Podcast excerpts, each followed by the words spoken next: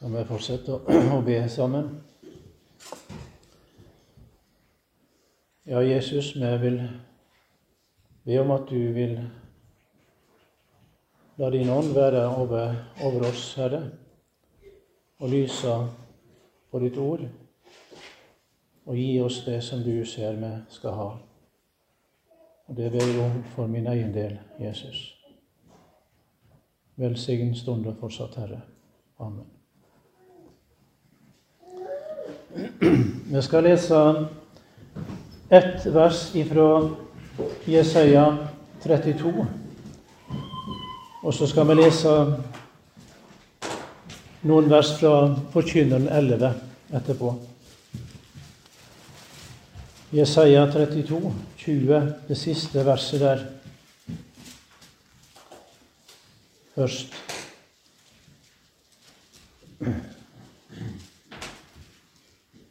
Og der står det i Jesu navn Lykkelige er det som sår ved alle vatn, som slipper oksen og eselet på frifot. Og så står det i Forkynneren 11, fra vers 1 til 6, leser vi der. Kast brødet ditt på vatnet for med tida skal du finne det att. Del ut til sju, ja til åtte, for du veit ikke hva ulykke som kan hende på jorda. Når skyene blir fulle av regn, tømmer de det utover jorda. Som treet fell, slik blir det liggende, enten det er mot, mot sør eller mot nord. Den som stadig akter på vinden, kommer ikke til å så, og den som stadig ser på skyene, kommer ikke til å høste. Like lite som du veit hva veg vinden fer, eller korleis beina blir laga i morslivet, like lite veit du hva Gud vil gjøre, Han som gjør det alt i hop.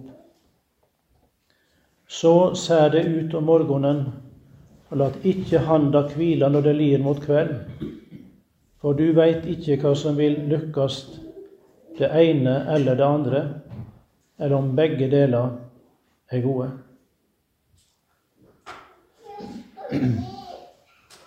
Lykkelige er det som sår ved alle vatn, sto det i Jesaja 32, 20. Den setninga, eller det uttrykket, det hører til i en bestemt sammenheng. Og ifølge fortolkerne er det snakk om Messiasriket i Jesaja 32. Det er kapittelet som det er henta fra. Det er riket som kom til jord med Kristus, og som finnes blant oss ved Guds ånd, som det står uttrykt, uttrykt i gullgruven.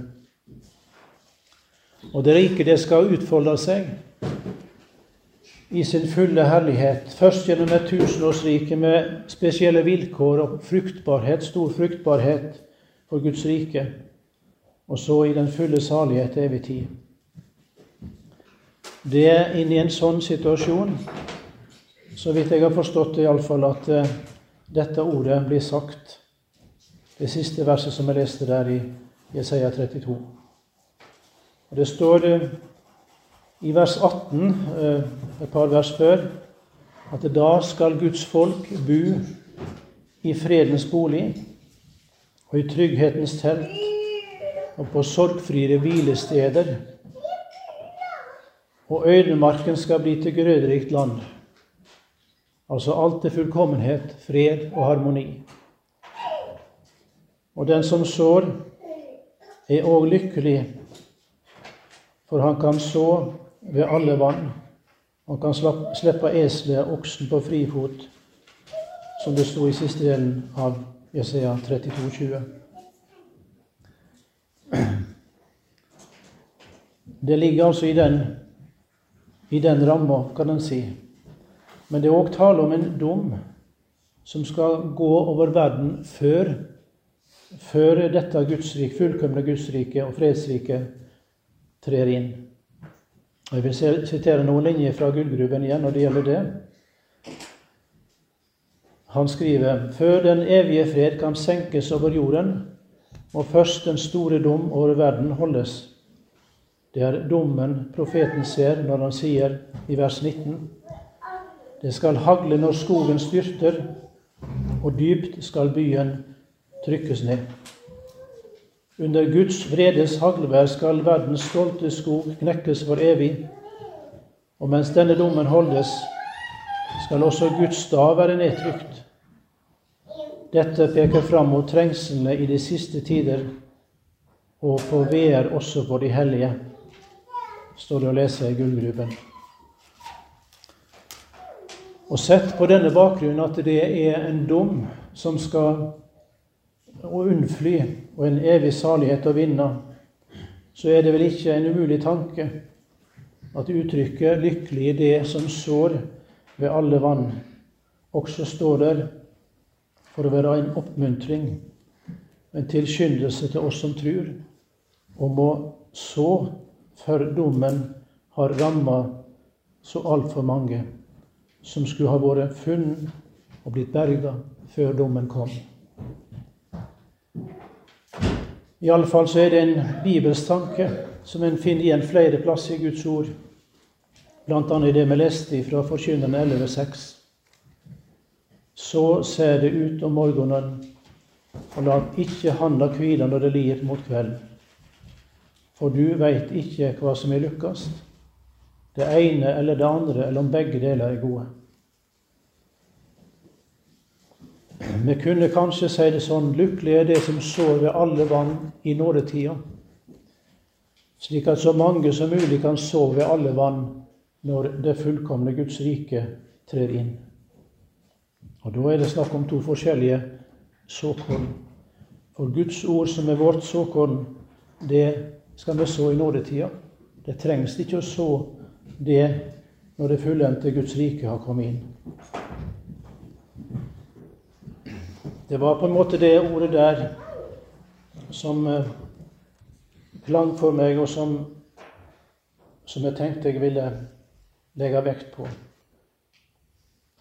Lykkelige er det som sår ved alle vann. Og det er så god og rette en tanke, og så viktig det å så Guds ord ut. På forskjellige måter og ved alle vann, for å bruke det bildet. Hvor helst du kan få gjort det, betyr det. Og når du kan få gjort det. Og så har det sånn hast. Vi veit jo ikke hvor lenge vi ennå kan så. Det gjelder menneskeheten som sådan, og det gjelder det enkelte mennesket. Når Gud setter en sluttstrek for denne tidshusholdning, da er det ikke lenger tid for å arbeide. For det enkelte mennesket så er døden en sluttstrek. Vi snakka litt om det i går òg. Alvorlig nok kan visst nådetida være slutt i noen tilfeller. Del ut til sju, ja til åtte. For du veit ikke hva ulykke som kan hende på jorda. Når skyene blir fulle av regn, tømmer de det utover jorda.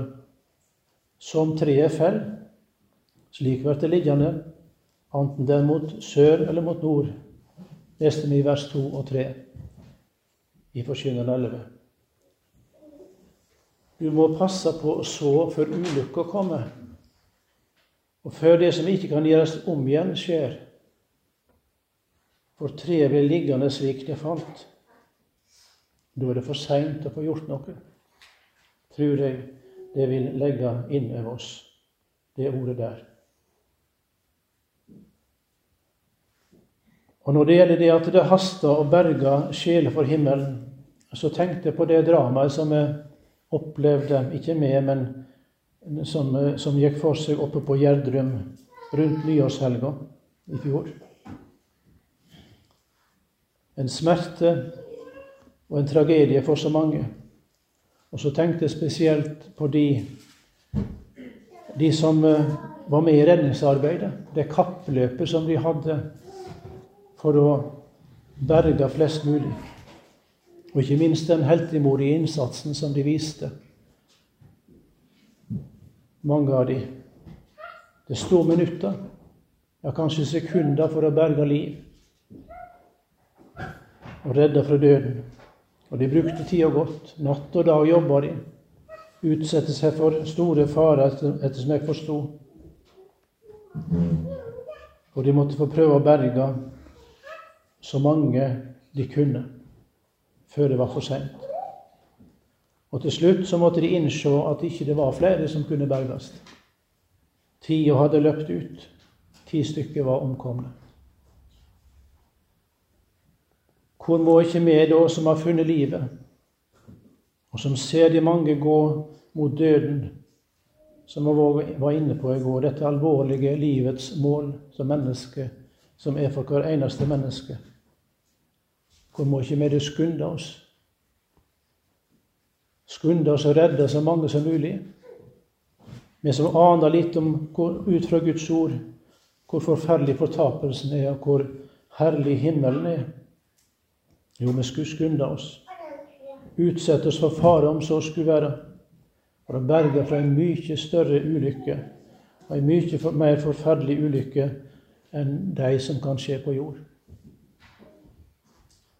I andre Tim 3, 2, 3-4 så sier Paulus til sin venn og medarbeider Timoteus.: Lid vondt med meg som en god Jesu Kristi stridsmann. Ingen som gjør krigstjeneste, legger seg bort i sysler som hører hverdagen til, for han vil gjøre hærføreren sin til laks. De versene òg taler om at en må regne med at det vil koste noe å være med i dette store redningsarbeidet. At det gjelder om å ha oppmerksomheten sin rette vei. At det gjelder om å være oppmerksom på hva virkeligheten er, som vi snakka om i går at hver eneste menneskesjel er på ferd gjennom livet og forbi døden og inn i evigheten til et bevisst liv. Det er det som er alvoret. En god Jesu Kristi stridsmann må regne med å lide vondt og utsette seg for fare. Paulus sjøl har mye å berette om i så måte. Som Jesu Kristi tjener har han flere ganger vært i fengsel, sier han. Ofte i dødsfare. Hudfletta tre ganger og flere lignende ting som står om, det står om i andre kor 11.26. Følgende. Ikke at noen av oss kan sammenligne oss med Han, men enhver Jesu Kristi tjener vil kjenne på smerten det er og det medfører å bære ut evangeliet, og så ut såkornet. Og Det er naturligvis mye som kunne vært sagt om det. Misjonshistorien den kan berette om mye martyrblod. Ødelagt helse, kanskje. Smertefulle avskjeder. Lengsel og tårer. Og Det var godt om vi ved lesning av slikt kunne bli tent i brann. Vi får litt innblikk i hva kallet har kosta for så mange. For så kunne det òg være med å minne oss om at den store gleda, som englene sang om julenatt, den skal ut til alle. For den er for alt folket, sa engelen. Den er for alt folket. Ja, men så må den jo ut til alt folket. Og det er hast, og de må berges. Men så tenkte jeg kanskje mest på oss små, enkle Jesu Kristi stridsmenn. Ja, for må høre med i Hans hær, alle som har funnet livet. Alle som er kommet til tro på Jesus. Så hører med i Hans her. Vi syns, og vi syns vi kjenner oss fattige og hjelpeløse. Og vi syns vi har lite lys og kanskje ikke så stor klarhet sjøl heller så hører vi med der. Og så er det så nødvendig da og godt å huske på at vi ikke skal gå med vårt eget, vi skal gå med Ordet. Det er trøstefullt og gir frimodighet at såkornet er Guds ord. Om det står det som vi vet, at det er levende og verksomt, og kvassere enn noe tvega sverd. Det trenger gjennom heilt til det kløyver sjel og ånd og ledd og merg og dømmer hjertens tanker og råd. Vi skal i truskap så det ut, i rikelig mål og ved alle vatn. Vi skal så det ut om morgenen og ikke la handa hvile når det lir mot kveld, som det står i Forkynneren 11. Og så skal vi overlate veksten til Gud. Til Gud sjøl og til Guds ord, som er Åndens verd. Ja, det er framfor alt det som er grunnen til at vi blir tilskyndet til å være så rause når vi sår, at såkornet har så god kvalitet, og at det er så spiredyktig. Det gjelder å få det ut, så det kan bli en rikelig høst. Det står i fiskersangen til Sigvart Engeseth ut og fiske, ut og fiske for min mester. Der står det i et vers Vel er båten ei så rar, fiskeren en dårlig kar. Mange mener at han bør heller gå i land. Men min mester ba meg gå. Derfor vil jeg holde på, til han selv meg vinker til den andre strand. Ja, det er nok mange Jesu Kristi tjener eller Jesu Kristi stridsmann eller fisker, som han blir kalla i sangen. Det er Engeseth som har kjent på fristelsen til å gå i land og til å gi opp. Kanskje like mye tilskyndet av ei stemme i eget bryst enn av andre. Men kanskje av andre òg, på forskjellig vis. Det skal ikke så mye til, for karet er ofte så skjørt. Og så må vi komme i hu at det er en som gjerne vil gjøre en Jesu tjener motløs. For så kan han jo få lamma såarbeidet og innhøstingsarbeidet. Og det vil han. Det er den onde sjøl. Jeg husker vi ble sagt ved en avslutningsmiddag etter et stevne på Fosnes Nå må du huske å, å be for de som har forkynt ordet. Og djevelen kommer til å angripe dem i ettertid, nå i ettertid, i etterkant. Og jeg tror det er sant. Og Jeg tror han som sa det, òg har erfaring for det. Og djevelen har nettopp som mål å ta motet og frimodigheten fra en Jesu tjener. Det gjelder ikke bare den som står på en preikestol, det. Nei, det gjelder enhver som er blitt kalla ut i vingarden. En far, f.eks., som blir frista til å la andagsboka ligge, for det blir så ofte mye som distraherer rundt matbordet med en stor ungeflokk, f.eks. Eller det er gloende pil fra den onde som rammer og sier Skal du dele ut Guds ord? Du som nettopp har fart opp og vært utålmodig? Nei, la det heller være. Vi ser jo hvor, hvor lite hellig du er midt i din kristendom. Men er det ikke Guds ånd og Guds lov som taler om våre synder? Jo, det gjør Den hellige ånd, og det gjør Guds lov. Men Den hellige ånd forsømmer aldri å lede en fortapt og hjelpeløs synder inn til Jesu blod og sår. Det forsømmer han aldri. Der får han tilgivelse for den begåtte synd, for fallet. Og der får han se hvor frimodigheten er til å så Guds ord ut. Den onde kan aldri tale sånn. Han sier aldri at du skal gå til Jesus, men det gjør Den hellige ånd. Han taler sant når han taler med synd, men aldri når han sier at jeg bare kan gi opp. Det er så avgjørende å vite hvor frimodigheten min er, eller din er, eller hva den er, eller hvem den er. Den er i Jesu blod, og den er Jesu blod. Det gjelder min frelsessak. Det gjelder òg i min tjeneste for Gud. Hans Erik Nissen han skriver i en andakt at alt i våre liv må dekkes av nåde, også min tjeneste. Brød, i Jesu blod har vi altså frimodighet til å gå inn i helligdommen. Til den har han vigsla en ny og levende vei for oss gjennom forhenget. Det er hans kjøtt. Det som i Hebreerne 10, 19-20. Men så må vi òg understreke at det er ikke uvesentlig hvordan vi lever. Slett ikke. Livet vårt taler gjerne sterkere enn ordene.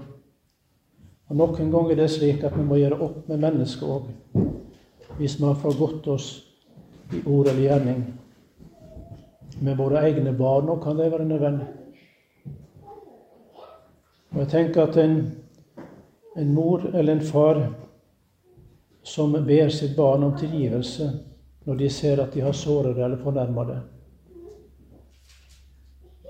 Det kan være så sterkt et vitnesbyrd om at kristendommen er liv, og ikke bare teori for mor og far. Men så skal jeg altså ikke gjøre det fordi, for å bevise at min kristendom er rett, men jeg skal gjøre det fordi det er rett å gjøre det. Jeg skal gjøre det som er rett, fordi jeg er rettferdiggjort av Jesus ved troen. Ja, fiskeren er ganske visst en dårlig kar, et skrøpelig redskap, en hjelpeløs og fattig synder, men han er rettferdiggjort i Jesus av tro. tru. Og det er aldri annet enn slike som kan gå æren for Mesteren. Det er slike han sender og ber om å gå ut og så og høste. Sånne hjelpeløse som må leve av nåde sjøl. Fra dag til dag, fra stund til stund. Og De var jo ikke mye verdige eller dugelige, de som satt for sakte og redde bak stengte dører i Jerusalem på påskedagskvelden heller. Vi har lest hvordan det var. Først fikk de høre fredsbudskapet midt i sitt nederlag og sin mislykkethet. Og bare det, ikke et eneste refsende ord, kom det fra Jesus til dem. En skulle forvente det, men det kom ikke. For bedrøva hjerte og gråtende syndere får høre bare evangeliet fra Han som er evangeliet, og som har lagt grunnen for det. De skal ikke høre noe annet enn evangeliet slike. Jeg syns Jesus sjøl sier oss det ved den måten han møter disiplene på påskedagskvelden. Han gir dem evangeliet, og så sender han dem ut med det samme evangeliet. Men min mester har en skikk. Han har alltid gjort det slik at han bruker det som smått og ringe er, står det òg i denne sangen. Og så står det òg om hvor godt et redskap evangeliet er, eller hvor, godt, hvor spiredyktig Guds ord er, som jeg nevnte. Et av versene går sånn Om enn mange ting er smått, garnet mitt, det er jo godt. Ja, det er av aller beste kvalitet. Det er evangelium, Kristi gjerning i en sum. Bedre redskap har vel aldri noen hatt.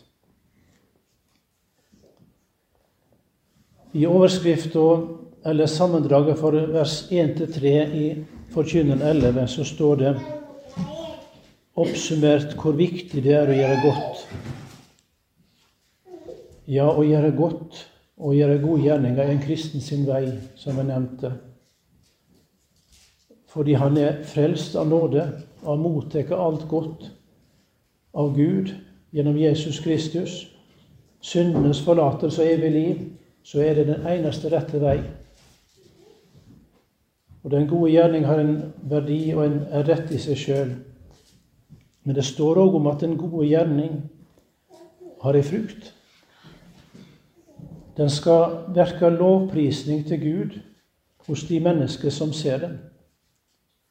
Såleis skal det la ljoset dykkar skine for mennesker, så de kan se de gode gjerningene de gjør, de gjør, og love av Far dykkar i himmelen, står det i Matteus 5, 16 i bergpreka. Og det må vel bety at de skal komme til Jesus, det. De som ser de gode gjerningene til de truende.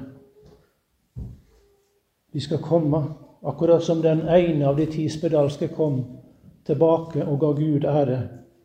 Han ble en kristen.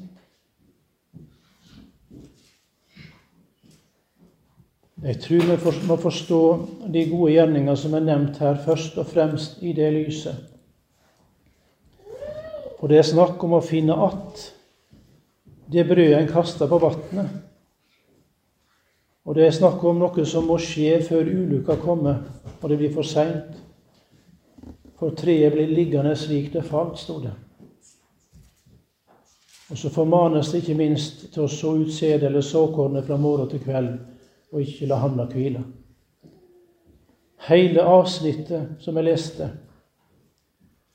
det går på det, eller har det hovedsiktet, å formane oss på det sterkeste til å arbeide for sjelenes frelse mens det er dag. Det kommer en natt da ingen kan arbeide, sier Jesus en plass. Så det gjelder om å få bruke tida mens vi har den. Vi nevnte hvor godt det er å få rekna med såkornet sin spiredyktighet og kraft, og at det er det vi skal få gå med. Og Det henger naturligvis sammen, men jeg syns det, det, er også løfterikt å se det som står her i vers 4 og 5, og vi var litt borte det i går. Først blir det understreka hvor lite jeg og du veit om hva vei vinden fer, og hvordan beina blir laga i mors liv. De danner i mors liv. Nei, det må vi erkjenne, det vet vi lite og ingenting om. Det gjør vi ikke. Og så står det like lite som du veit dette, altså det med vinden og beina i morslivet. Like lite veit du hva Gud vil gjøre, Han som gjør det alt i hop.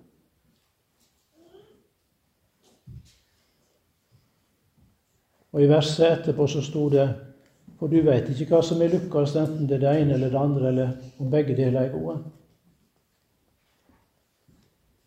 Det er sikkert nødvendig for så man og holde dette oppe for, opp for seg og komme det i hu at det er Gud som gjør det alt i hop. Da kan en så med forventning og håp. I tru til Han som vil at alle mennesker skal bli frelst og komme til sannhetserkjennelse, som det står i 1. Tim 2,4. Så vil jeg nevne det med bønna til, til slutt i såarbeidet. Forbønner. Det er mye å si om det, helt sikkert. Jeg vil bare minne om også hvor avgjørende det er.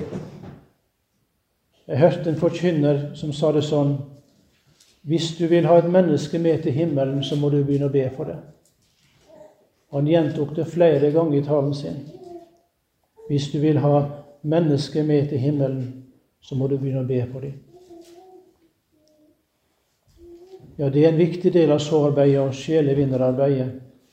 Sikkert det viktigste. Og samtidig så er det kanskje der en går fortest trøtt og blir angrepet av vantrua i sitt eget hjerte.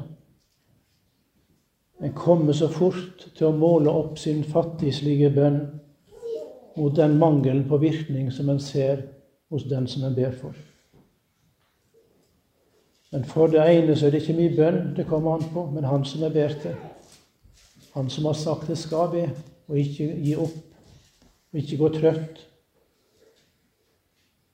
Og som òg har sagt det skal få lov til å komme på hans regning.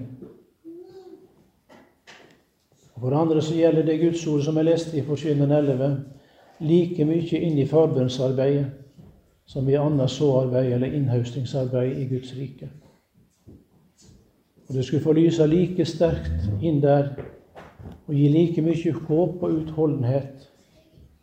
Du veit ikke hva Gud vil gjøre, Han som gjør det alt i hop. Og du veit ikke hva som vil lykkes, det ene eller det andre, eller om begge deler er gode. Du skal bare be og sette din lit til Han som gjør det alt i hop. Jeg har lyst til å ta med en, en liten sak som jeg hørte. Og det er sikkert det er mange av disse historiene som er vandrehistorier. Men det er noe som er, har skjedd, iallfall. Det var en forkynner i Trøndelag. Jeg vet ikke om det var Steinar Hunnestad eller det var en som han fortalte om. Det har ikke så mye å si. Han sto på et bedehus og hadde møte, og så syntes han det gikk så forferdelig dårlig. Han følte alt var mislykka. Han sier det at, eh, at han skulle ønske det var ei luke i gulvet som han kunne forsvinne gjennom. Han hadde lyst til å gå i land, som vi snakka om, som det sto om i sangen, og gi opp. Alt var mislykka. Så fikk han en telefon inn på et år seinere. Så spurte den som ringte, 'Husker du det møtet?' Da og da. Ja, det husker han godt, men med smerte fremdeles. Den kvelden ble jeg frelst, sa denne som ringte til ham. Den kvelden altså som alt mislykkes for forkynneren, den kvelden han ønsket seg langt bort, den kvelden gjorde Gud noe. Han som gjør det alt i hop. Mennesker som ble frelst. Gledesfest i himmelen, betyr det. Helt til slutt så vil jeg bare lese et, par, et vers fra den sangen som bygger på Forkynneren 11.1, og som jeg skal synge nå etterpå. Kast ditt brød på mange vannet. Der står det i vers 4, siste verset. Du kan tro det tapt for alltid, men Guds ord er sant, min venn. En gang, kanskje i Guds himmel, skal du finne det igjen. Ja, for det står sånn i vers 1 i Forkynneren 11. Kast ditt brød på vatnet, for med tida skal du finne det att. Amen.